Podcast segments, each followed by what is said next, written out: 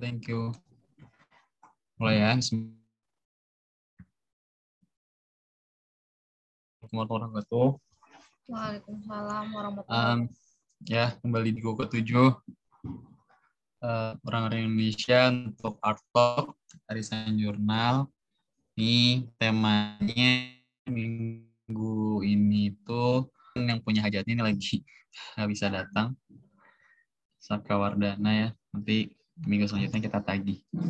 Tapi kita lanjut diskusinya buat minggu ini terkait peserta bencana. Sebenarnya ini jadi menarik karena harusnya Saka yang langsung menyampaikan ya, salah satu penulis atau menjadi penulis utamanya di sini itu Saka sendiri.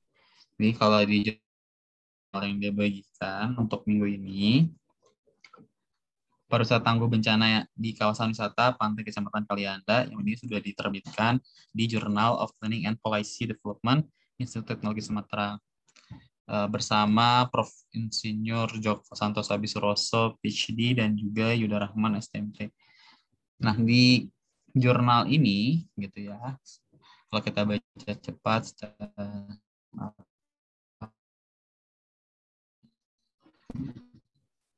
jurnal ini, ini apa ya bertujuan untuk mengetahui kawasan wisata yang ada di Kecamatan Kalianda itu udah seberapa uh, tangguh dan juga uh, seberapa rentan dia pengukuran ada dua dia menggunakan perkat BNPB nomor 2 tahun 2012 untuk kajian risiko bencananya sama dia melakukan metode uh, kualitatifnya yaitu observasi dan juga wawancara untuk mengetahui tingkat ketangguhannya.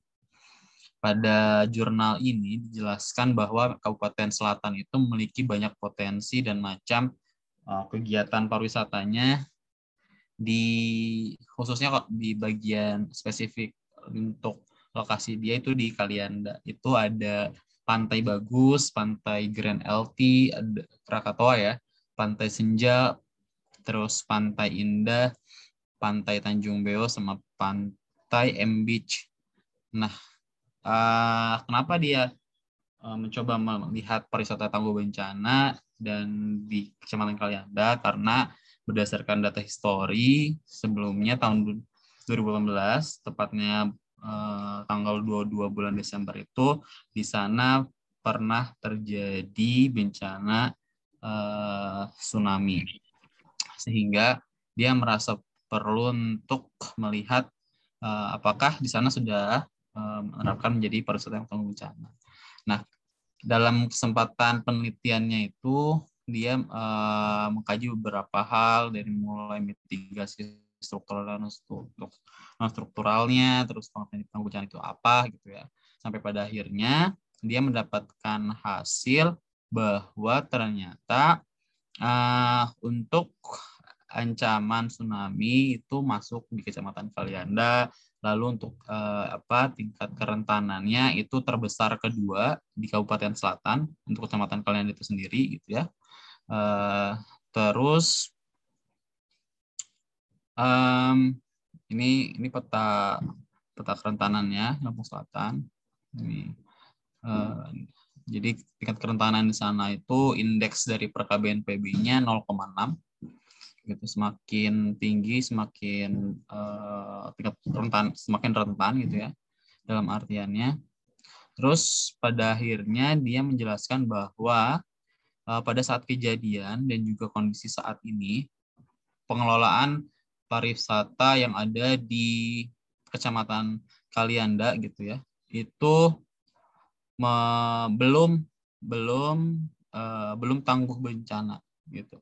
Sedangkan memang itu khususnya untuk pengelola di pengelola, pengelola daerah ya, tapi untuk pengelola apa namanya swasta gitu ya kayak Grand LT itu uh, itu sudah sudah memiliki apa namanya indikasi bahwa mereka sudah uh, merujuk uh, sudah menuju pariwisata yang tangguh bencana. Itu dengan adanya uh, jalur evakuasi terus titik kumpul penunjuk arah gitu ya dan lain sebagainya jadi uh, secara keseluruhan gitu ya kalau di dalam kesimpulannya dia dia jabarkan bahwa indeks kerentanan bencana tsunami itu tertinggi di Kabupaten uh, Lampung Selatan itu uh, terus dengan nilainya 0,64 lalu secara keseluruhan kali, uh, kalian sudah menerapkan mitigasi struktural non struktural tapi belum uh, tangguh.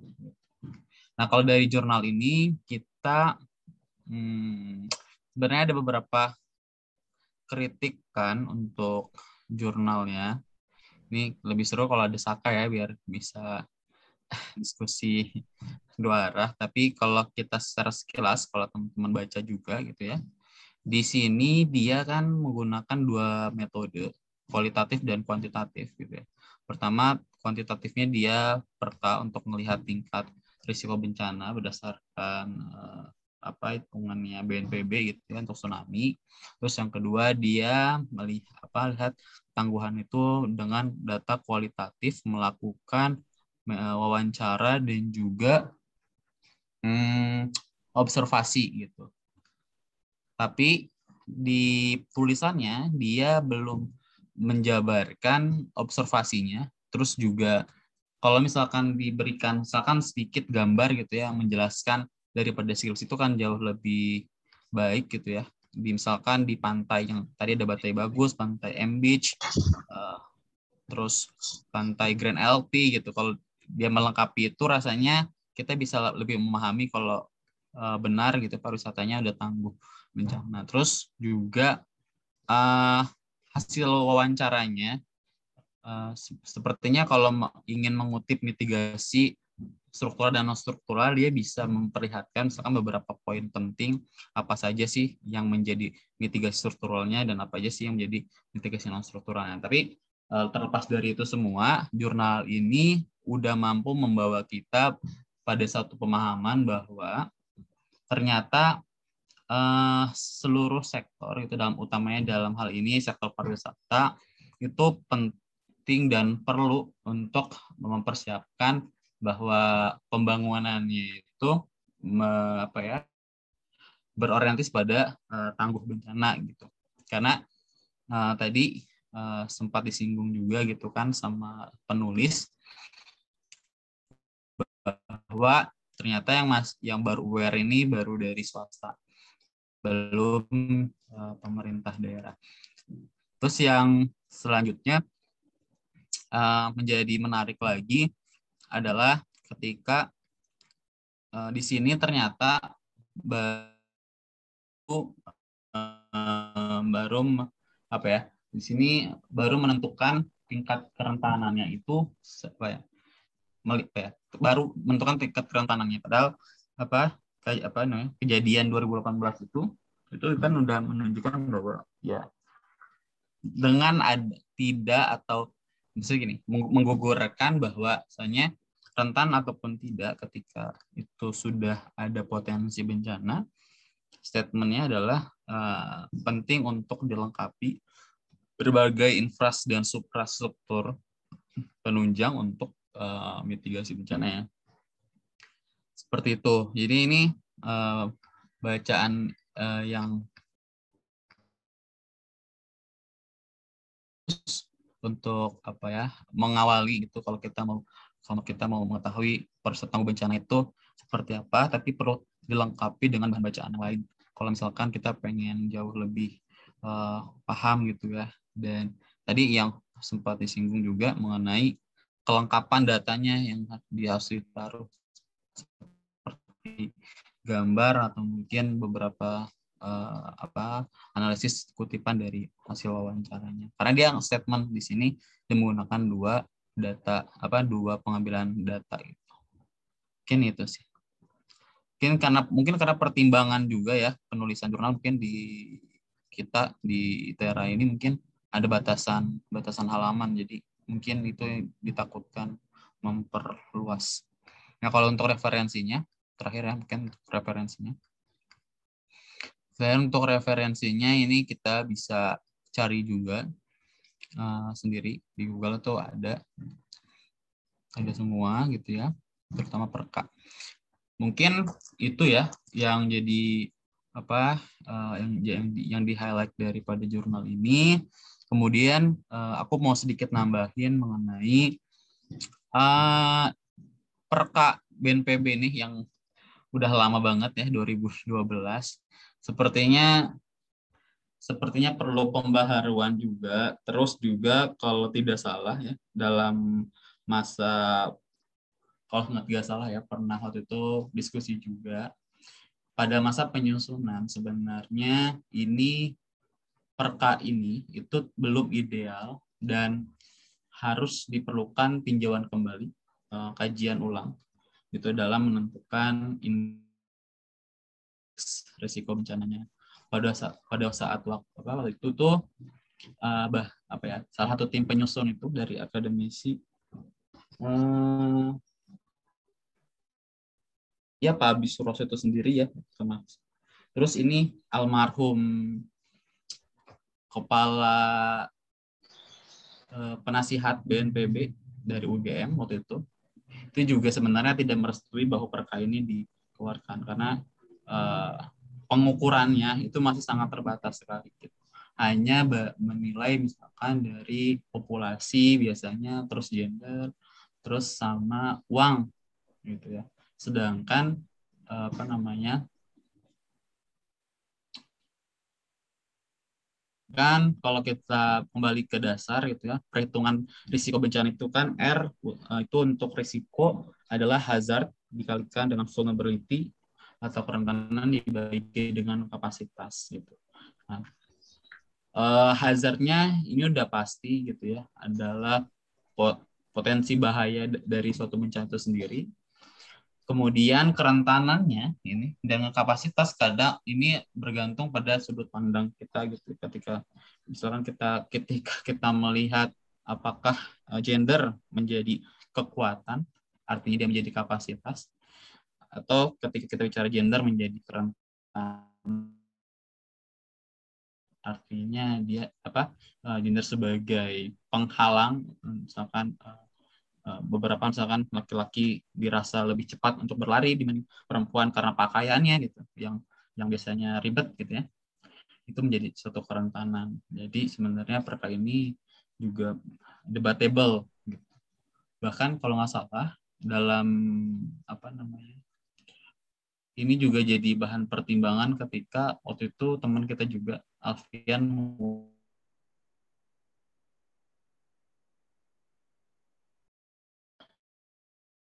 karena itu tadi kritikan terhadap apa eh, pengukuran risiko bencananya ini belum eh, komprehensif loh bisa dikatakan seperti itu. Ini menurut teman-teman semua yang udah membaca gimana? Mungkin ada hal lain juga yang berpandang yang bisa dilemparkan untuk jadi bahan diskusi pada sore hari ini. Monggo langsung sambut-sambut aja. Terima kasih Warid, saya coba menyambut ya Warid. Hmm. Dan mohon diingatkan jika misalkan saya berbicara terlalu cepat, punten karena hmm. kebiasaan. Mohon diingatkan teman-teman. Cek, cek, cek, cek, cek. Terdengar ya teman, insya Allah. Terima kasih. Alhamdulillah, faktor kedengar nih. Tadi itu, tadi gara-gara itu uh, input volumenya tuh paling rendah. Ternyata bisa digeser. Jadi udah bisa sekarang. Mantap. Oke, oke, oke, oke. Yes. Lanjut ya Warid ya. Lanjut, Pak.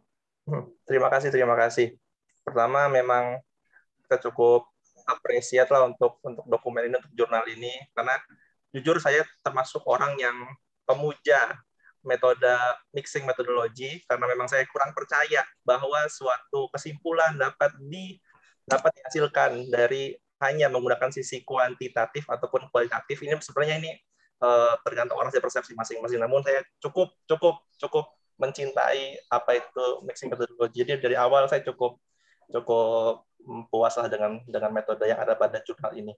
Namun memang di sini kita coba mengulik sedikit poin-poin apa saja yang dapat diperhatikan atau menjadi menjadi poin-poin utama yang dikira dapat menjadi uh, poin yang jika kita improve lagi akan menjadi suatu hal yang memperbaiki ataupun menambah kesempurnaan dari dokumen ini. Kurang lebih seperti itu. Jadi memang sudah disinggung oleh Warid bahwa Perka 2012 terkait dengan penentuan risiko bencana merupakan perka yang masih debatable dapat dikatakan seperti itu masih memang masih ada poin-poin yang yang belum belum komprehensif lah, apalagi dalam kondisi seperti ini, kondisi corona, di mana mungkin teman-teman juga eh, pernah lah membaca ataupun mereview dokumen tersebut, di mana belum terdapat secara detail menjabarkan bagaimana penentuan resiko bencana, khususnya bencana pandemi atau bencana-bencana uh, virus ini menjadi salah satu hal yang perlu diperhatikan juga.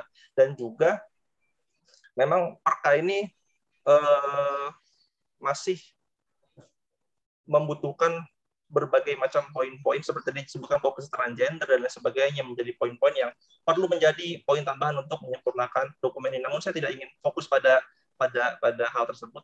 Yang di sini saya perhatikan adalah bagaimana peneliti menarik menarik kesimpulan dan menarik sebuah saya anggap di sini tidak ada rekomendasi ya, tidak ada penulisan rekomendasi, namun secara secara implisit penulis sajikan dalam dalam beberapa ataupun dalam dalam akhir-akhir eh, bagian jurnal ini. Di sini saya sebagai orang awam melihat melihat uh, dokumen ini atau melihat jurnal ini dengan judul pariwisata tangguh bencana di kawasan wisata pantai Kecamatan Kalianda uh, cukup menarik judulnya menggugah untuk pembaca uh,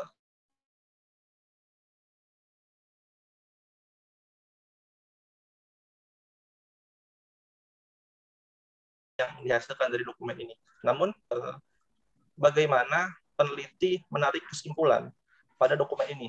Di sini disebutkan bahwa kesimpulan dari uh, penelitian ini adalah uh, saya, menganggapnya adalah bahwa peneliti hanya menyebutkan hasil-hasil perhitungan dan kondisi existing yang ada pada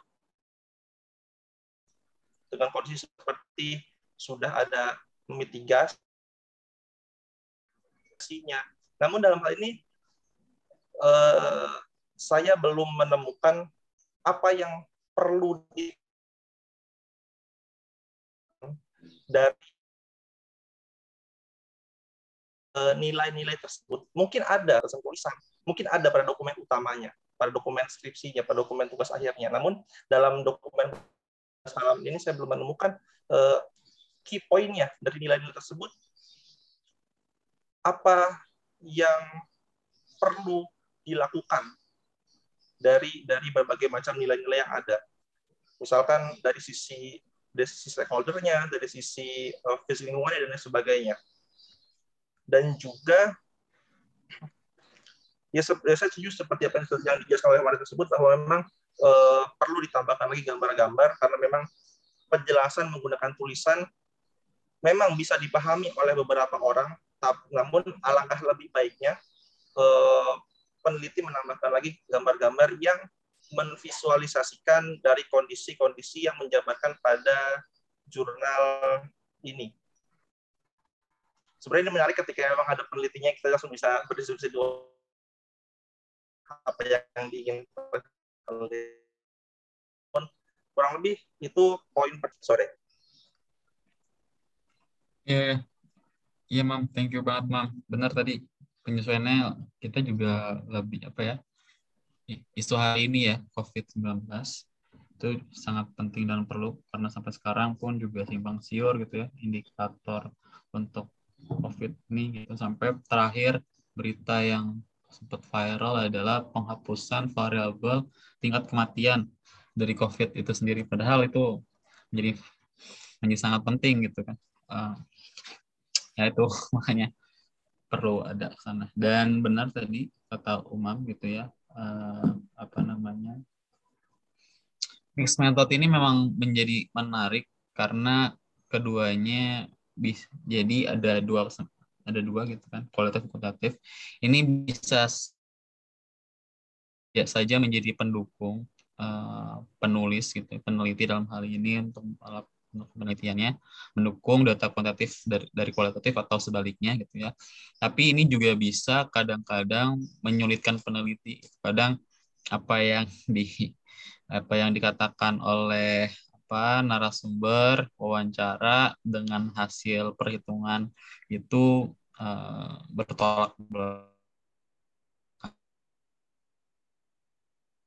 memang lagi-lagi akan dan memahami penelitiannya dan memang pada akhirnya yang harus dituliskan adalah secara objektif sejujur-jujurnya. Artinya dalam hal ini peneliti tidak boleh menutup-nutupi data sekecil apa pun dalam penelitiannya karena itu akan apa namanya memberikan uh, inputan kepada si pembaca gitu. Uh, dari teman-teman yang lain untuk mengomentari jurnal pada minggu ini, monggo. Siapa lagi? Iya, sama kayak Warid sama Umam tadi. Kalau misalnya dari jurnalnya, kalau misalnya sekilas baca, uh, misalnya di bagian peta kerentanan tadi ya, kalau misalnya orang awam baca mungkin uh, kalau menurut aku sih kayak kurang dijelasin apa aja sih indikator kenapa itu bisa disebut rentan gitu. Rentan terhadap sosial ekonomi sama lingkungannya tuh apa gitu. Itu kurang dijelasin indikatornya kenapa bisa disebut rentan. Jadi juga jadi gambaran buat si pembaca kira-kira apa sih langkah-langkah yang seharusnya uh, bisa dilakukan stakeholder pariwisata dan juga untuk menang uh, untuk menjadikan pariwisata ini tangguh bencana. Terus iya pariwisata dan tangguh, tangguh bencana itu menarik karena mungkin apalagi pariwisata pantai atau pariwisata pariwisata lainnya tuh diharapkan itu biasanya partisipatif masyarakat dikelola sama masyarakat. Terus ini juga uh, menariknya adalah berkaitan sama apalagi di kecamatan Kalianda masih eh, desa-desa uh, uh, berkaitan sama indeks desa membangun. Di situ ada ketahanan lingkungan. Ketahanan lingkungan itu ada juga bagaimana si masyarakat menghadapi bencana itu sendiri. Nah, um, ya itu menariknya karena juga apa ya kurang lebihnya kalau misalnya dicari di Lampung Selatan itu mayoritas desanya udah desa berkembang. Jadi uh, mungkin oh ya, mungkin bisa juga kayak kata Wari tadi belum dijelaskan apa ya secara detail gitu di bagian wawancara. Gimana sih masyarakat meng, uh, dalam menghadapi bencana itu sendiri? Terus apa sih langkah-langkahnya? Terus uh, gimana apa ya gimana masyarakat tuh bisa uh, pulih gitu dari bencana yang terjadi uh, hingga sekarang pariwisata itu bisa berjalan lagi. Gitu sih. Sedikit dulu mungkin Fatur mau ngomong udah open mic Thank you, Ben. Yes. Aku recap dikit ya. Uh, tadi kayaknya langsung jelas gitu ya. Hal yang Umam pertanyakan juga ternyata memang dari metodologinya uh, penulis belum menjelaskan variabel apa saja yang dinilai hmm. gitu kan sehingga tidak ada rekomendasi untuk ke arah sana. Terus yang kedua memang pariwisata tangguh ini akan menjadi sangat menarik karena memang pariwisata sendiri kan kegiatan yang bertujuan untuk mendatangkan uh, pengunjung tentu dengan tujuannya dan penghasilan atau income income bagi pengelolanya dan juga tentu ada kontribusi untuk pemerintah untuk masalah daerah itu sendiri gitu. Akhirnya uh, ini ketahanan ekonominya gitu ya. Terus akhirnya akan bersinggungan dengan uh, bagaimana dia bisa secara cepat memulihkan kembali kondisi wisatanya dan berkegiatan lagi gitu. Sehingga kita bisa sebut pariwisata tersebut itu tangguh bencana. Atau bahkan justru dapat menghindari kemungkinan-kemungkinan terjadinya bencana. Kayak gitu. Mungkin tadi lebih uh, singgung gitu. Betul mungkin menambahkan? Teteh dulu tadi. Oh ya. Halo Teteh. Baru masuk ini kayaknya belakang-belakangnya gedung-gedung tinggi gitu ya. Teo, nambahin nggak Teo? Sorry, ya tes. Ada suara masuk. Masuk. Ada. Masuk, masuk. Lagi kayaknya teteh itu. Hati-hati lagi jalan. Tapi nggak bisa buka ini. Sip-sip lanjutkan lanjutkan Iya, ya, nyimak dulu ya. Boleh, Fatur, sok. Apa ya, sebenarnya saya bingung, Red. Karena yang dibahas tentang jurnalnya kan beda sama yang tema-tema kemarin kan yang dibahas kan topiknya substansinya kan. Tidak apa-apa, habisnya topiknya aja, maksudnya dilebarin aja. Soalnya saya mengakui dan ya masalah metode penelitian ya jauh lah ibaratnya ibarat kayak jurnal yang saya bikin pun juga jurnalnya ya kayak gitu ya mix method pakai tapi kan makna dari mix method tuh saya juga nggak tahu itu tuh apa gitu kan ibaratnya. Yang penting saya campurin udah itu mix method namanya kan. Pakai kuantitatif sama kualitatif buat ngedukung data. Walaupun sih kadang-kadang nggak ngedukung tapi ya kadang mau cari cepat peneliti itu kan. Yang penting kelar jurnal skripsinya jadi ya ada nggak nyambung ya supaya gimana caranya supaya nyambung dan masuk akal. Yeah. entah itu tapi tetap kalau misalkan masalah metode saya lebih percaya ke kuantitatifnya dibandingkan ke kualitatif. Karena cenderung subjektif sih intinya kayak gitu. Tapi ya ya cenderung subjektif karena kalau misalkan pakai kualitatif ya udah makanya intinya kuantitatif yang menyesuaikannya adalah kualitatifnya kayak gitu paling. Itu masalah-masalah metode. Itu biar cepat aja intinya. Kalau misalkan buat ke topik topik itu tadi kan tangguh bencana Pariwisata tangguh bencana. ya pariwisata eh, tangguh bencana di Kabupaten Lampung Selatan. Usahakan buat tsunami. Nah eh,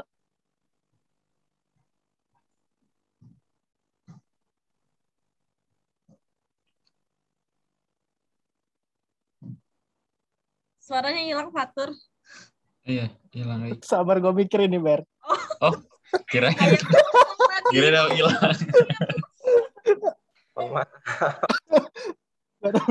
Mohon maaf. Bukan, su- bukan suaranya yang hilang, otak kayak ngelak.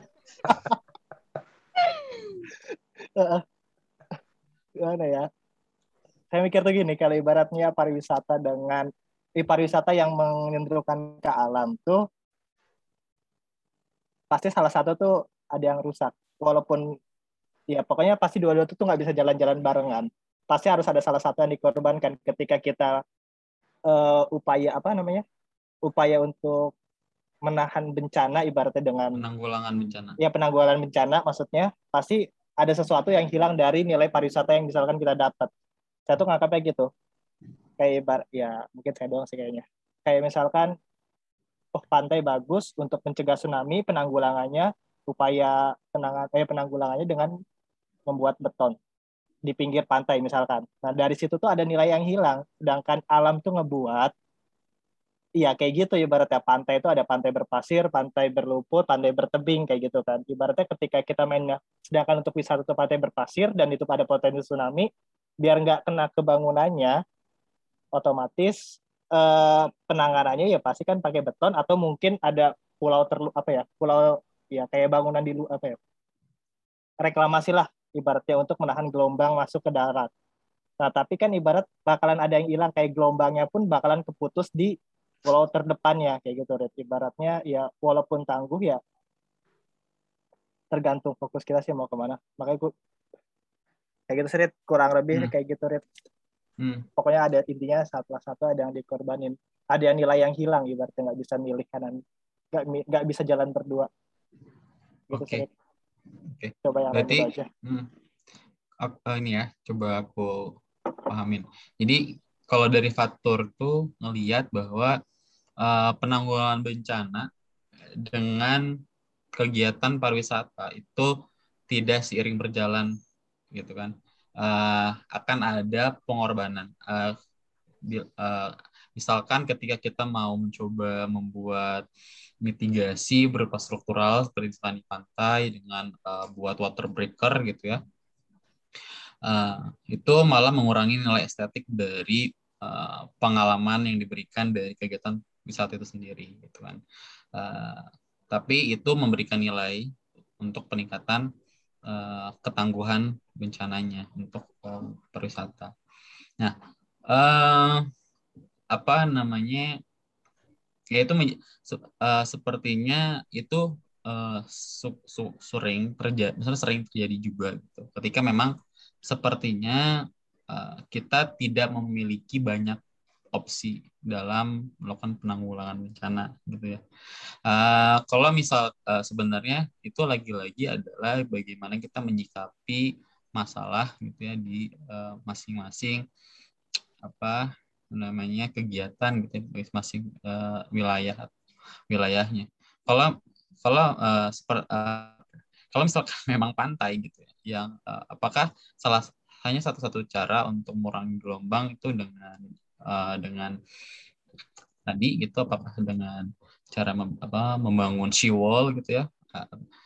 Apakah itu adalah satu caranya? Uh, rasanya rasanya juga tidak gitu kan um, ada banyak cara. Misalkan kalau misalkan di apa pantai tersebut punya gelombang yang tinggi gitu. Mungkin memang peruntukannya bu uh, pantai dengan kegiatan uh, misalkan lebih ke sportnya gitu. Kayak uh, lebih ke sport gitu. Artinya ya sudah dibiarkan ombak itu uh, wisata yang dibangun adalah wisata yang mempergunakan gelombang tingginya gitu kan. Uh, jadi memang akhirnya adalah melihat dari dua sisinya.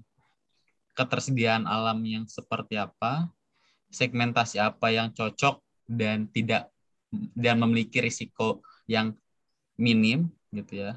Baru nanti uh, ada sisi penanganan uh, penanggulangan justru sebenarnya itu uh, awal apa peni apa langkah awal untuk menentukan uh, proses penanggulangan bencananya itu yang seperti apa. Dan itu juga menjadi langkah awal untuk membangun wisatanya gitu kan. Jangan sampai tadi kata Fatul benar ini kita mau aman tapi malah malah apa mengurangi nilai estetikanya gitu kan. Itu itu menjadi mal mitigasi gitu mitigasi yang kurang tepat atau salah kayak gitu sih. Mungkin mungkin itu mungkin seperti itu ya. Karena kan e, sebenarnya bencana itu akan dikatakan ketika dari definisinya deh ya, bencana itu kan suatu peristiwa atau serangkaian peristiwa gitu ya. Daripada non alam maupun alam yang dapat mengancam, merusak dan merugikan gitu ya eh, kegiatan dalam hal ini dan juga subjek uh, manusianya itu sendiri. Nah, kalau semisal dia tidak uh, secara dan secara tiba-tiba. Jadi keywordnya itu adalah terjadi secara tiba-tiba, terus merugikan, dan juga baik alam maupun non alam. Oke, gitu. Mungkin sih dari beberapa banyaknya teman-teman berpendapat ini ada tambahan terkait pariwisata tangguh itu yang menurut sih seperti apa? Terus mungkin ada pengetahuan lain terkait uh, daerah Kabupaten Lampung Selatan khususnya di Kalianda. Saya ingin mencoba Warid, izin. Oh, boleh. Mam dulu. Terima kasih Warid. Ya mungkin saya kembali kepada jurnalnya gitu Warid ya seperti apa yang tadi teman-teman sebutkan terkait hmm. Apakah ada yang dikorbankan dari sisi pariwisata dan mitigasi bencana. Memang saya merasa memang itu yang perlunya di, harusnya dikeluarkan oleh jurnal ini gitu loh. Ada sisi hmm. point of view seperti itu gitu loh yang keluar gitu loh. Memang hmm. kita lihat dari judulnya secara makro, kemudian mungkin peneliti kurang menambahkan lingkup kegiatannya dalam penelitian ini sehingga kita berharap ataupun kita beranggapan berasumsi bahwa akan terjadi sebuah mitigasi bencana secara makro gitu, secara apa. Dan juga kemudian kita korelasikan dengan metodologinya menggunakan mixing metodologi di mana hal tersebut asumsi saya adalah dengan mixing metodologi peneliti dapat menghasilkan atau menemukan poin-poin unik pada wilayah penelitian yang dapat menjadi uh, menjadi stimulus untuk mitigasi bencana yang ada. Jadi memang apakah ada di wilayah tersebut bentuk kearifan lokal yang dapat dijalankan untuk pariwisata namun tidak tidak tidak meningkatkan risiko bencana yang ada gitu loh.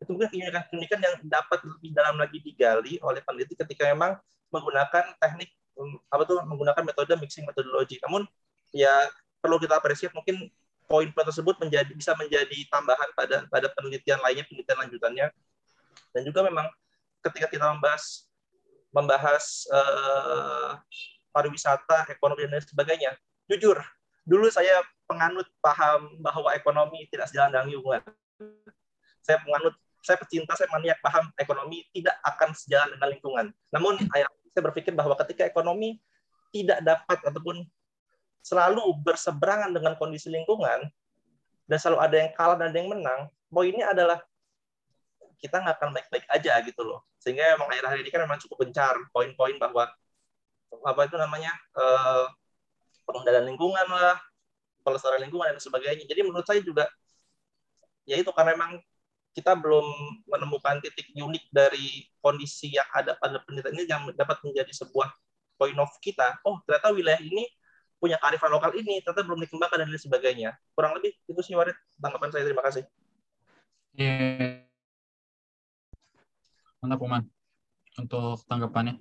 Tadi benar ya, kita kayaknya kalau untuk selalu counter sama lingkungan, pertama lingkungannya kita apa ya pertama lingkungan hanya menjadi akhirnya tanda kutip hanya menjadi penghalang untuk pertumbuhan ekonomi juga. Sebenarnya enggak gitu kan. Sebenarnya uh, bisa gitu.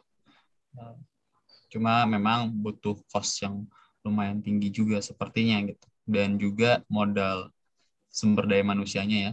Kalau di kita kayaknya juga masih belum ke sana gitu. Jadi eh, nggak uh, apa-apa tapi uh, yang penting uh, kita tadi benar memahami bahwa perlu tadi itu di lagi ke jurnal ya. Ini kayaknya seru emang kalau misalkan ada sakanya nih bisa menjelaskan secara penuh gitu apa yang terjadi di lapangan. Jadi kita tidak banyak apa ya tidak tidak bertanya-tanya gitu dengan pikiran-pikiran kita sendiri. Dan ini kayaknya kayak uh, jadi sebuah apa ya, jadi sebuah titik terang juga nih. Kayaknya teman-teman sepertinya perlu ketika apa apa perlu teman diskusi ketika ingin menuliskan sesuatu. Terlebih dia punya punya dosen pembimbingnya ya.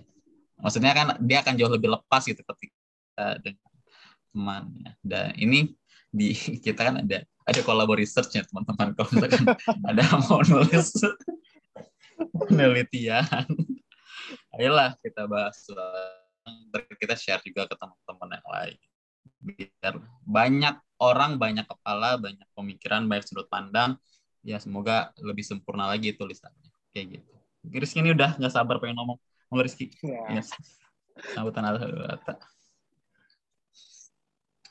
Ya, uh, terima kasih atas kesempatannya. Assalamualaikum warahmatullahi wabarakatuh. Waalaikumsalam. Kedengeran? Kedengeran. Tunjuk. Oke. Okay.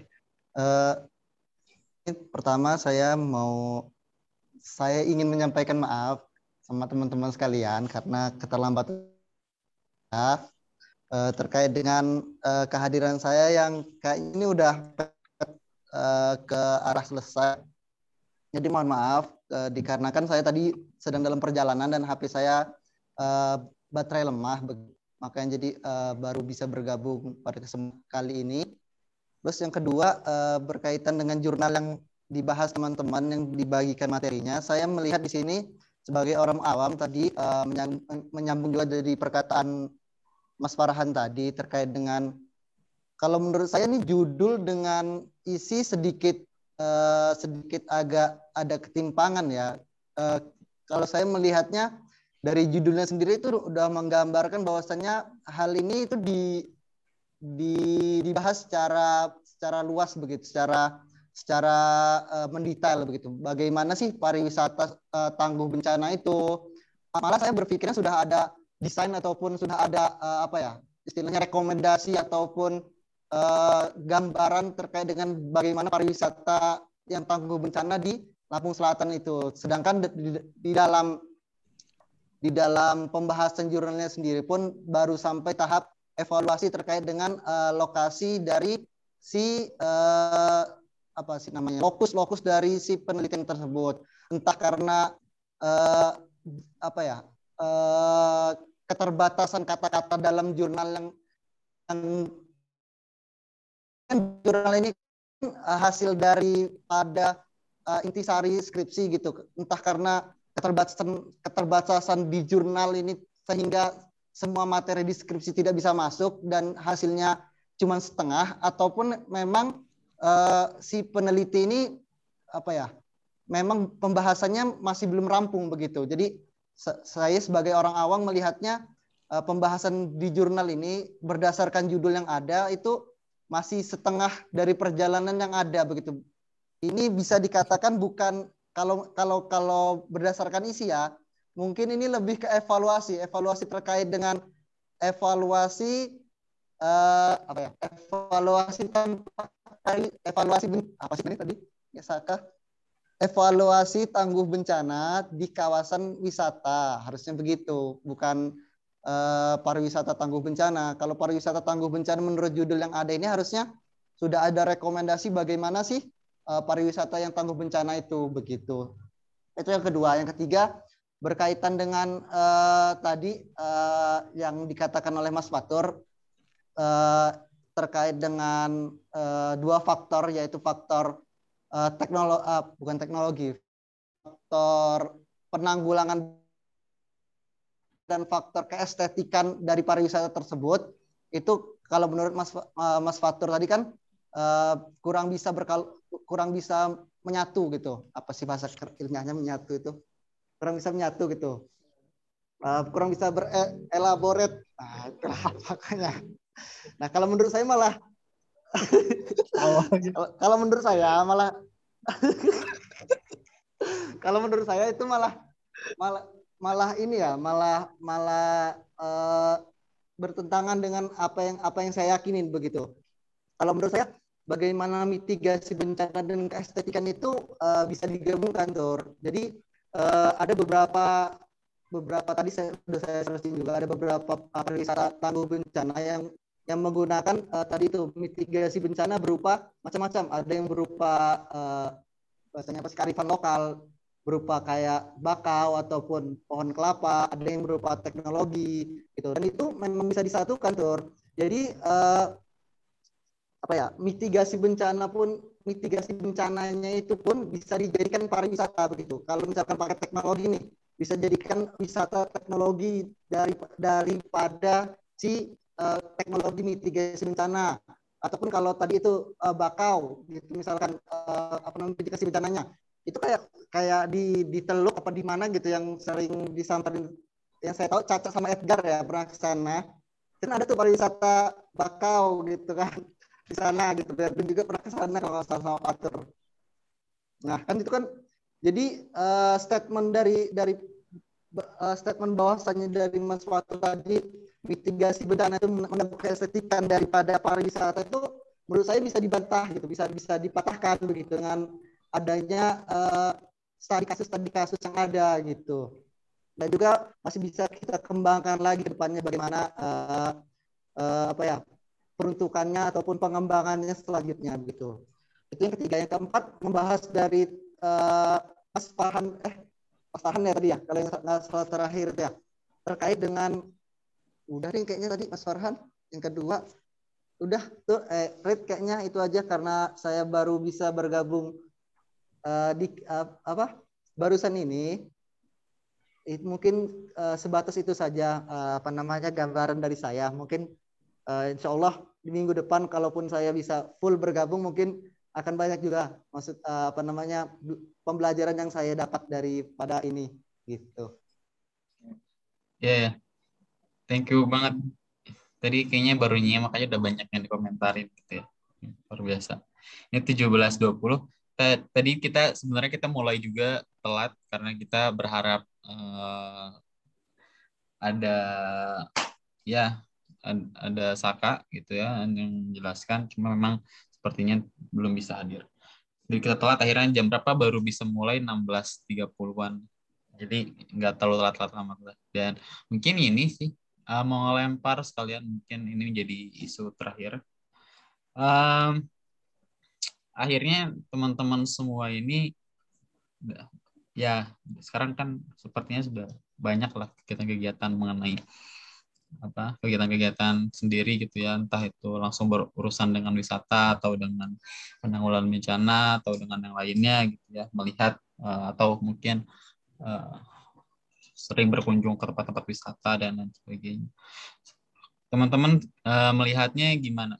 Kalau kalau sekarang ditanya apakah pariwisata kita sudah mulai aware dengan apa gimana caranya untuk menjadikan pariwisata tangguh bencana. Terus yang kedua poinnya adalah gimana sih uh, apa yang perlu dimulai dan harus dilakukan gitu dan seberapa penting sebenarnya pembangunan pariwisata yang ya berbasis mitigasi lah kalau mungkin.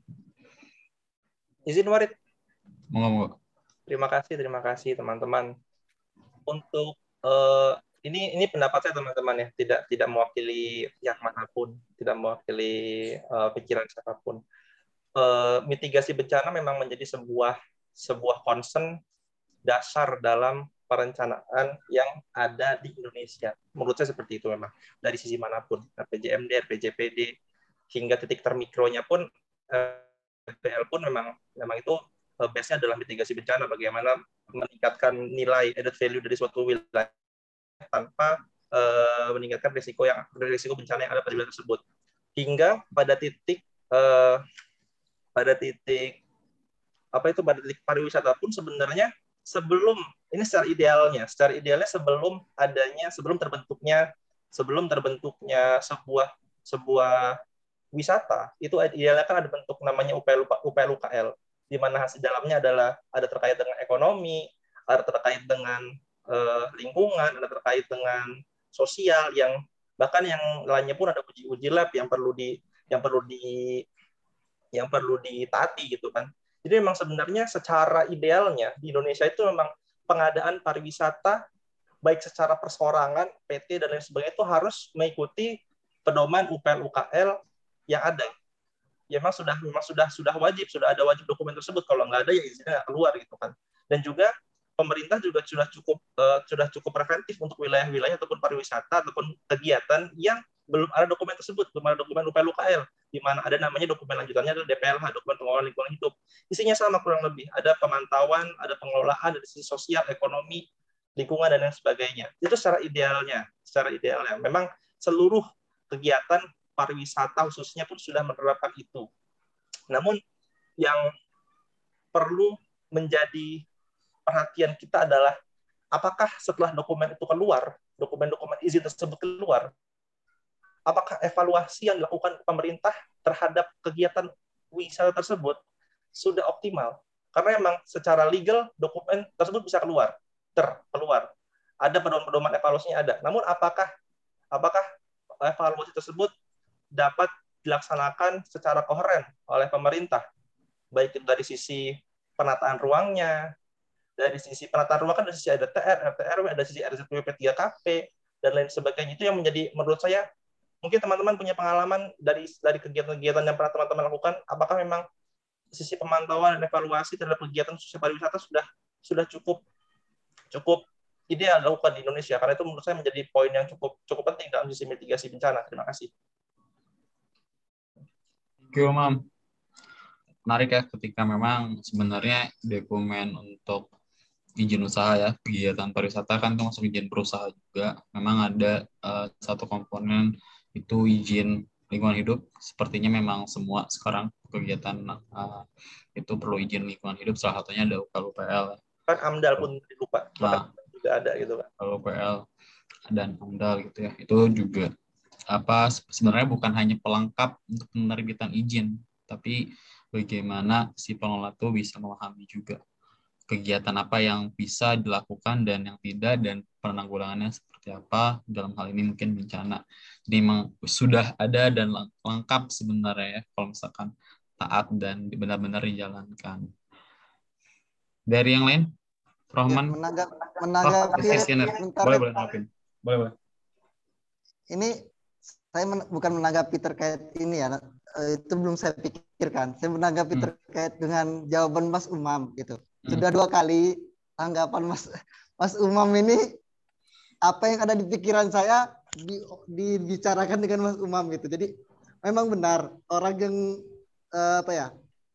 Or, uh, semua orang punya ide, tapi orang yang diakui itu orang yang bisa mengungkap uh, yang bisa dahulu bisa duluan mengungkapinnya gitu. Saya dua kali gitu. Tadi terkait dengan jurnal tadi tuh yang pembahasan mikro dan makro. Saya udah kepikiran tuh pengen bahas itu. Mas Umam jawab, Mas Umam bahas itu. Dan ini nih terkait ini nih pariwisata. Memang kan eh, tangguh bencana itu kan memang memang komponen dari pariwisata, bukan pariwisata pariwisata yang tangguh bencana, bukan begitu. Tetapi eh, tangguh bencana itu sudah merupakan komponen dari si pariwisata tersebut. Nah, yang perlu kita yang perlu kita evaluasi itu apakah pariwisata itu sudah tangguh bencana atau belum begitu. Bukan pariwisata yang tangguh bencana begitu pariwisata memang harus tangguh bencana dong. Kalau pariwisata nggak tangguh bencana kan di sana menyangkut uh, banyak orang yang datang ke sana, banyak perekonomian yang hadir di sana, banyak banyak lain-lain yang ada di sana gitu. Kalaupun tidak tangguh bencana ya, ya bukan nggak bisa dikatakan pariwisata begitu. Harusnya tidak keluar izin izin pengadaan pariwisatanya begitu. Nah, dua hal itu yang ingin saya sampaikan dari tadi di awal sih sebenarnya. Cuman ya keburu Mas Umam udah menyampaikan duluan gitu kan. Mantap Mas Umam gitu. Lebih spesifik lagi nyampeinnya. Mantap mantap. Saya pikirkan lagi uh, apa uh, tanggapan yang lainnya. Semoga tidak direbut Mas Umam. ini kayaknya Fatur ini apa agak pengen komentarin nih. Kayaknya ada yang mau diomongin. Coba. Ya, yang pertama Red. Nah. Gak mau ngomentarin, gak mau ngomentarin. Uh, nah. Cuma nangkepin aja tadi diomongin hmm. sama Tete yang terutama kan yang bertentangan dengan saya kan. Jadi uh, pertama tuh yang dilihat tuh kan karakteristik dari misal ya tadi yang dibahas kan yang terkait uh, ngeban yang bukan ngebantah ya berbeda pandangan terkait uh, penanaman bakau bisa saja. Nah, sebelum jauh ke situ Tel atau buat semua semuanya juga kan ibarat bakau tuh nggak ibarat kan kita mau jual tuh kan pantai pariwisata sedangkan bakau tuh tidak bisa di pasir putih gitu loh. Bakau yang kita jual tuh kan pasir putihnya. Kalau misalnya ditanamin bakau semua ya hilang pasir putihnya. Pasti pariwisata itu yang bakalan jadi wisata bakau bukan wisata pasir pantai. Ibaratnya sepanjang krui aja Teo lupa tanamin bakau. Ya ada ya aneh gitu loh ibaratnya. Pasti ibaratnya bakalan ada satu yang bakalan hilang upayanya Teo maksudnya kayak gitu jadi ibaratnya perlu dilihat dulu karakteristiknya itu tuh eh, entah itu tuh pantai berpasir pantai bertebing ataupun pantai berlumpur nah itu perlu dilihat juga dan itu juga yang nge, nge nentuin arah mitigasinya apa upaya atau pencegahan penjagaan yang bisa dilakukan. Kalau ke pantai berlumpur mungkin cocoknya bakau dan bisa dibuat gitu dimasukin bakau untuk wisata bakau misalkan yang kayak di Edgar tadi. Nah, terusnya juga kalau misalkan yang pasir pantai emang potensinya itu emang pasir pantai, mungkin upaya mitigasinya bukan mitigasi untuk pembangunan fisik di situ. Ibaratnya ketika uh, mitigasinya ya sebelumnya itu penyadaran. Kalau ada bencananya tuh uh, ada bencana alarm. Ibaratnya kayak gitu. Jadi masyarakat udah tahu duluan gitu ibaratnya oh apa yang harus dilakukan ketika ada sesuatu jadi upaya mitigasinya bukan ke arah fisiknya ibaratnya oh pariwisata kita kita pariwisata kita dapat tapi kalau misalnya ada bencana kita bisa oh kita tuh harus ngapain kayak gitu jadi perlu disesuaikan dulu jadi ya tetap aja intinya dua tuh tuh perlu yang nggak bisa nyatu ada yang bisa nyatu mungkin ya tapi yang belum kepikiran tapi ya intinya itu bakalan agak susah sih bakalan bertentangan. Terusnya juga itu itu dulu sih, Tadi lupa lagi mau ngomong apa. Kebanyakan lupa sekarang ini. lagi banyak pikiran biasanya tuh jadi gampang lupa. Lupa. Ya. Banyak uh, Oh, lagi banyak kerjaan sepertinya ya. Semoga ber, seiring berjalan dengan pemasukan. Amin. Yeah kayak gitu. Uh, Berin, komentar? Hmm, Oke, okay. uh, sama kayak sebenarnya sama teman-teman di sini juga. Kalau ternyata uh, mitigasi bencana atau pariwisata tangguh bencana, jadi pariwisata ke bencana. Bencana ini kan nggak cuma bencana alam doang kan ya. Jadi bencana semua bencana yang bisa terjadi di suatu pariwisata. Jadi ya eh, gimana masyarakat di sana juga mendukung nggak sih? Maksudnya di situ sadar nggak sih akan adanya kalau misalnya mereka mengelola pariwisata, tapi ternyata karakteristik masyarakat di sana masih buang sampah sembarangan, misalnya uh, masih mendukung terjadinya bencana. Nah itu, jadi gimana ya itu tadi kerentanan sosial masyarakat. Terus tuh apa ya? Tadi mau ngomong apa ya lupa? Bentar. Oh ya. Dolar. Lupa ya benar. Ya, terus sama-sama sibuk, benar. Iya. Oh kok iya sih? Iya. ya, itu. Pertama tadi. Terus tuh um, iya, pemulihan, iya. Uh, pariwisata dan tanggung bencana kita kan nggak tahu nih bencana kapan terjadi. Misalnya bencana alam bisa kapan pun aja terjadi kan. Uh, berat dan kita tuh nggak tahu kapan bencana terjadi dan gimana caranya pariwisata itu tetap berjalan kan kita tuh mau kayak tadi pariwisata itu menumbuhkan kegiatannya, menumbuhkan perekonomian masyarakatnya untuk kesejahteraan masyarakatnya itu sendiri ya kan. Gimana caranya dengan pariwisata tangguh bencana ini masyarakat enggak pariwisata itu cepat uh, untuk pulih cepat pulih uh, untuk kembali dilakukan kegiatan pariwisata gitu pasca bencananya. Gimana setiap uh, stakeholder ataupun pak stakeholder pariwisata ya, nggak cuma masyarakat berarti adanya regulasi dan lain-lain untuk untuk menanggulangi bencana itu sendiri. Sama kayak misalnya gunung berapi kayak Bromo atau yang lainnya. Terjadi bencana, tapi gimana cara pemulihannya supaya cepat? Tuh uh, pasca terjadinya bencana itu di situlah jadi peluang pariwisata gitu untuk uh, masyarakat di sana gitu sih itu itu itu dulu Arit. Yep. Ada komentar lain teman-teman? Menanggapi menanggapi dong Rit, mohon hmm, izin. Hmm, boleh boleh. Boleh boleh. Boleh, boleh. Ah, ya, yang ya. Yang pertama tadi uh, menanggapi dari saya menanggapi Pater dan Berdin ya. Saya tanggapi yang pertama dulu dari Pater dari uh, apa namanya argumen dari Fatur tadi berkaitan dengan uh, mitigasi bencana pariwisata yang uh, yang ada mitigasi bencananya bisa uh, kurang bisa menyatu gitu. Kalau menurut saya sih gini ya. Ini juga se, se, se ini ya se segaris lurus dengan dengan uh, tanggapan saya terhadap uh, Mbak Berdin. Jadi begini. Uh, jadi kalau kalau kayak tadi contohnya Mbak Berdin tadi kan uh, Gunung Gunung Bromo gitu, Gunung Bromo. Nah, Eh, pertanyaan pertanyaan bahasa tidak bakunya itu gini.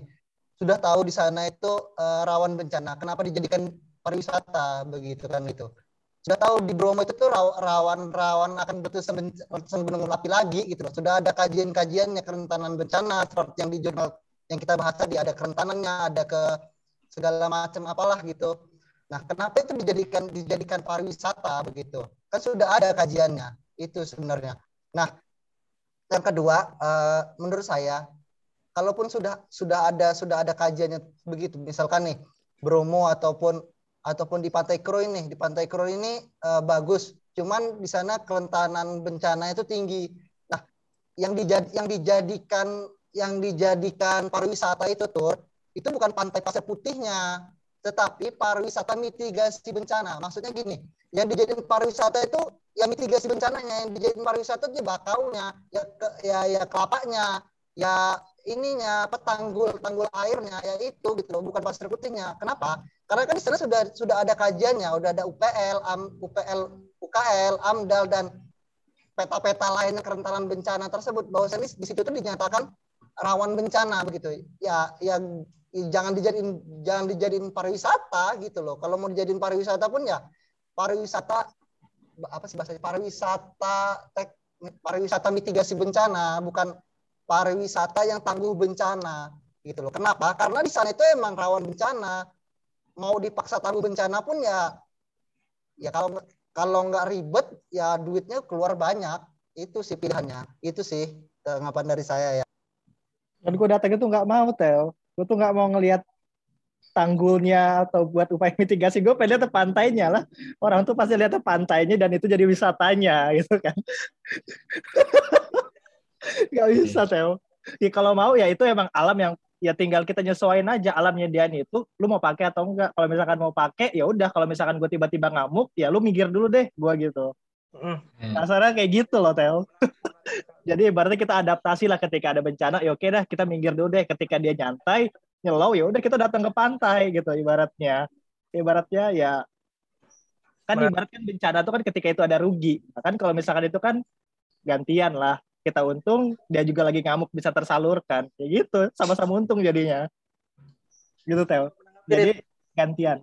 Ya, kalau misalnya yang tadi Bromo atau yang lain-lain kan banyak nih misalnya titik-titik apa ya daya tarik wisatanya di Gunung Bromo. Kosa itu balik lagi sih secara umum ada ada permintaan ada permintaan pariwisata istilahnya ada demand pariwisatanya untuk itu. Makanya uh, itu tuh bisa dijadiin pariwisata gitu. Jadi ya itu tadi pemulihan. Pemulihan sih gimana masyarakat tuh bisa apa apa apa apa di sana yang bisa di, kan ada batasannya maksudnya apa di sana yang bisa di diolah di bisa di, bisa dikemas jadi pariwisata untuk wisatawan sedikit Nah, ini pertanyaan jawaban dari pertanyaan Umam tadi. Pertanyaan Umam tadi kan bagaimana uh, pengimplementasian dari UKL UPL ataupun AMDAL di pariwisata. Nah, ini jawabannya. Pengimplementasiannya ya ada, Mam. Cuman ya dipaksakan ini karena ada supply dan demand tadi, Mam. gitu, dipaksakan jadi. Menanggapi ya. menarik, menarik, menarik. Mungkin tadi saya lebih ke fokusnya kepada how to evaluate, evaluasinya, lebih ke evaluasinya aja. Jadi memang terima kasih teman-teman. Memang poin-poin lingkungan hidup menjadi poin-poin yang cukup menarik di Indonesia. Hukumnya banyak banget, Undang-Undang 2009 tentang PPLH, terus ada PP 2012 dan berbagai macam hingga terakhir itu PP 21 tahun 2000 eh PP 12 2021 kalau nggak salah itu ya tentang lingkungan hidup itu ada baru lagi. Memang menarik ketika kita berbicara mengenai lingkungan hidup di mana memang pemerintah tidak ingin tidak ingin lingkungan hidup menjadi batasan untuk mengembangkan sebuah wilayah. Itu yang saya tangkap setelah sejauh ini. Di sini saya tidak ingin menjadi uh, government side gitu ya saya tidak ingin menjadi hal itu. Namun dalam hal ini jujur saya cukup cukup menarik ketika kita membahas ini karena memang dasarnya pada dokumen AMDAL, pada dokumen UPR, UKL itu sudah terstate apa saja yang perlu dan apa saja yang boleh dan tidaknya dan bagaimana penanggulangannya. Bahkan kasarnya hingga motor acting pun dengan berapa desibel kebisingan knalpotnya pun ada ada aturannya. Boleh masuk atau enggak boleh boleh hadir atau tidak itu ada poin-poinnya. Jadi memang ketika kita melihat kegiatan apa yang yang boleh terjadi di situ. Kita tinggal lihat dokumen pengelolaan lingkungan hidupnya aja gitu loh.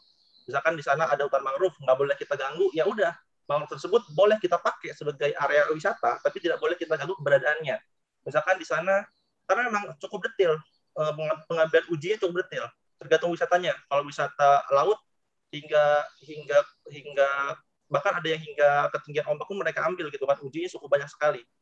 Jadi memang ketika kita berbicara mengenai apa wisata yang boleh di sana, sebenarnya itu ada.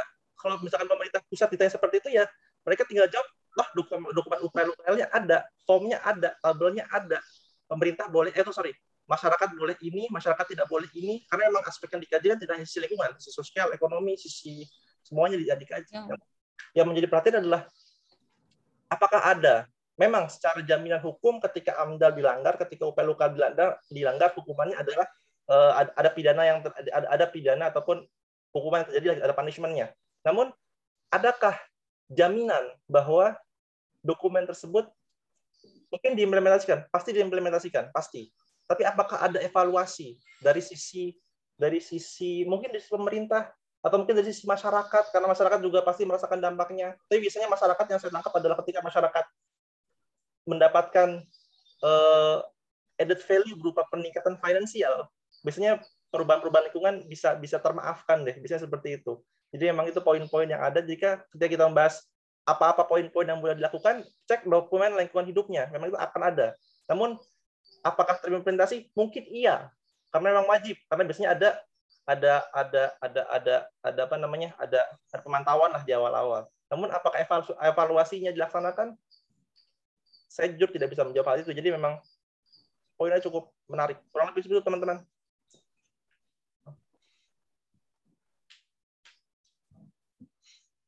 Umam Umam nggak mau mengutip perkataan Menteri ini apa? Situ Nurbaya. Lingkungan hidup. Iya, Situ Nurbaya Abu Bakar. Saya netral orangnya. Iya. Situ Nurbaya. Iya, sempat viral ya.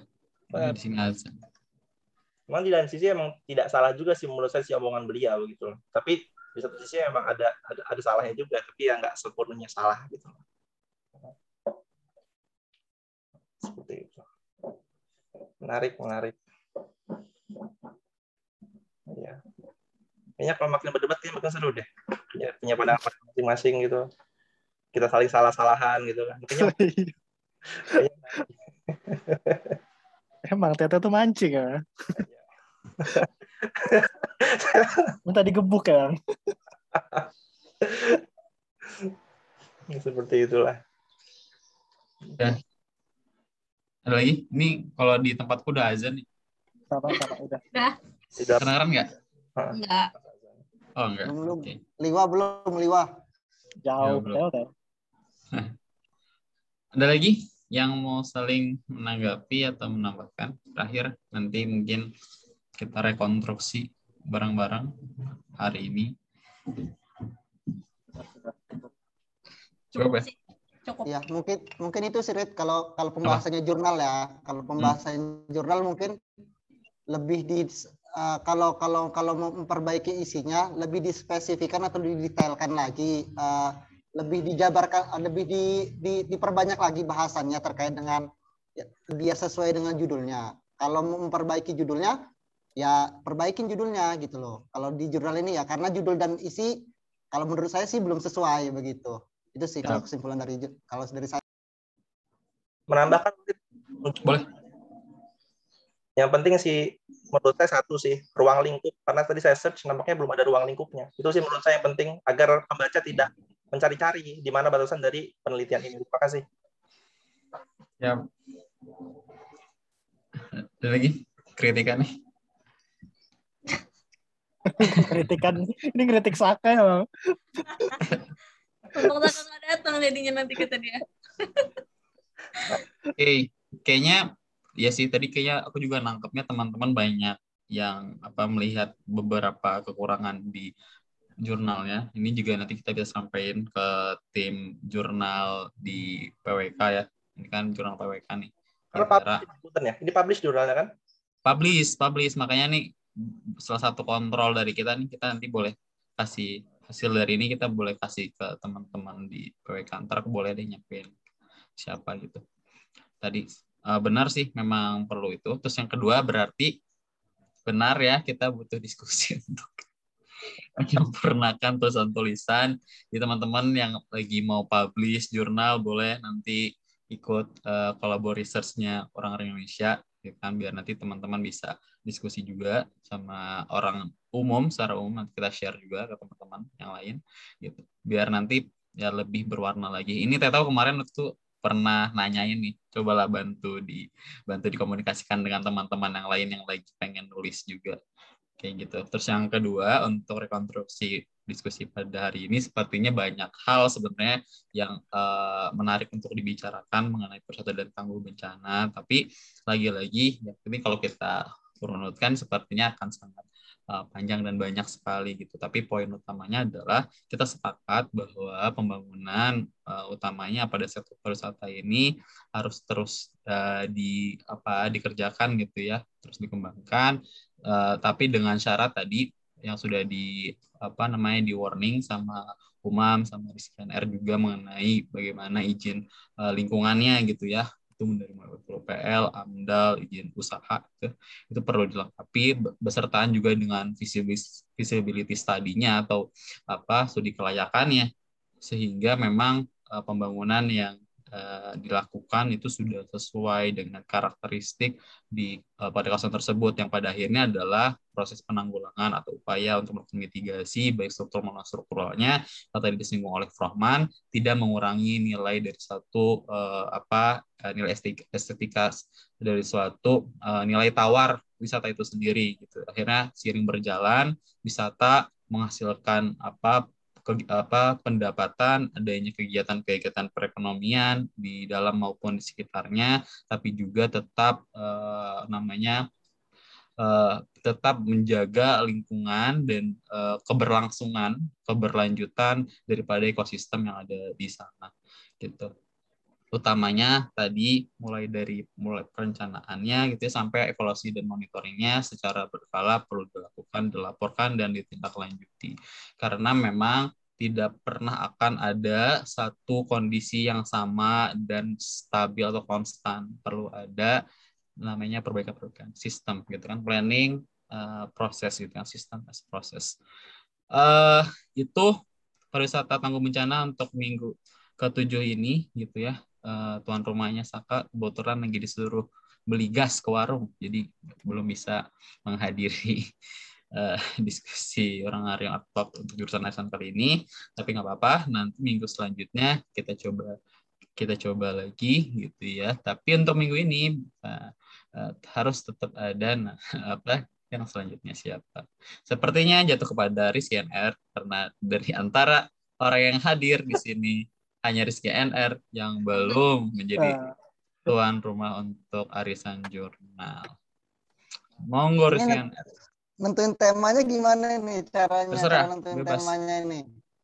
bebas. Bebas Teo yang yang menurut antum seru buat dibahas. oke, oke. Nanti slow lah. Man- ma- Mancing-mancing Farhan Umam dan Frohman ngomong ini slow nanti. Kita cari jurnal yang Mulainya Iya, jam 2 kalau. Seminggu ke depan cari nanti eh, kasih buat Berbeda. dibikin e-flyernya kayak gitu. Terus eh, mungkin itu sih. Ada lagi dari teman-teman? Cukup? Oke, terima kasih banyak teman-teman yang udah menyempatkan hadir dan mau terus bertumbuh bersama. Di tadi kita mulai 16.30 selesai di 17.48 alhamdulillah. Semoga ada manfaatnya, semoga ada hal yang bisa kita bawa dan bermanfaat nanti. Thank you semua. Sampai jumpa di Orang Indonesia di Altok Desain Jurnal minggu selanjutnya dengan tema apa teh udah ada belum? Sorry. Belum, Kira-kira belum, apa? belum. Belum. Kira-kira belum, belum ada. Kayaknya sih ini Apa? konflik konflik agraria kayaknya. Konflik agraria. Oke, cari baik. lagi ya. Oke. Jadi kalau bahas tentang konflik ag- agraria. Mungkin itu minggu depan, ya minggu depan, minggu selanjutnya kita hadir dua minggu lagi insya Allah. Bye bye semua. Assalamualaikum warahmatullahi wabarakatuh. Waalaikumsalam. Warahmatullahi wabarakatuh.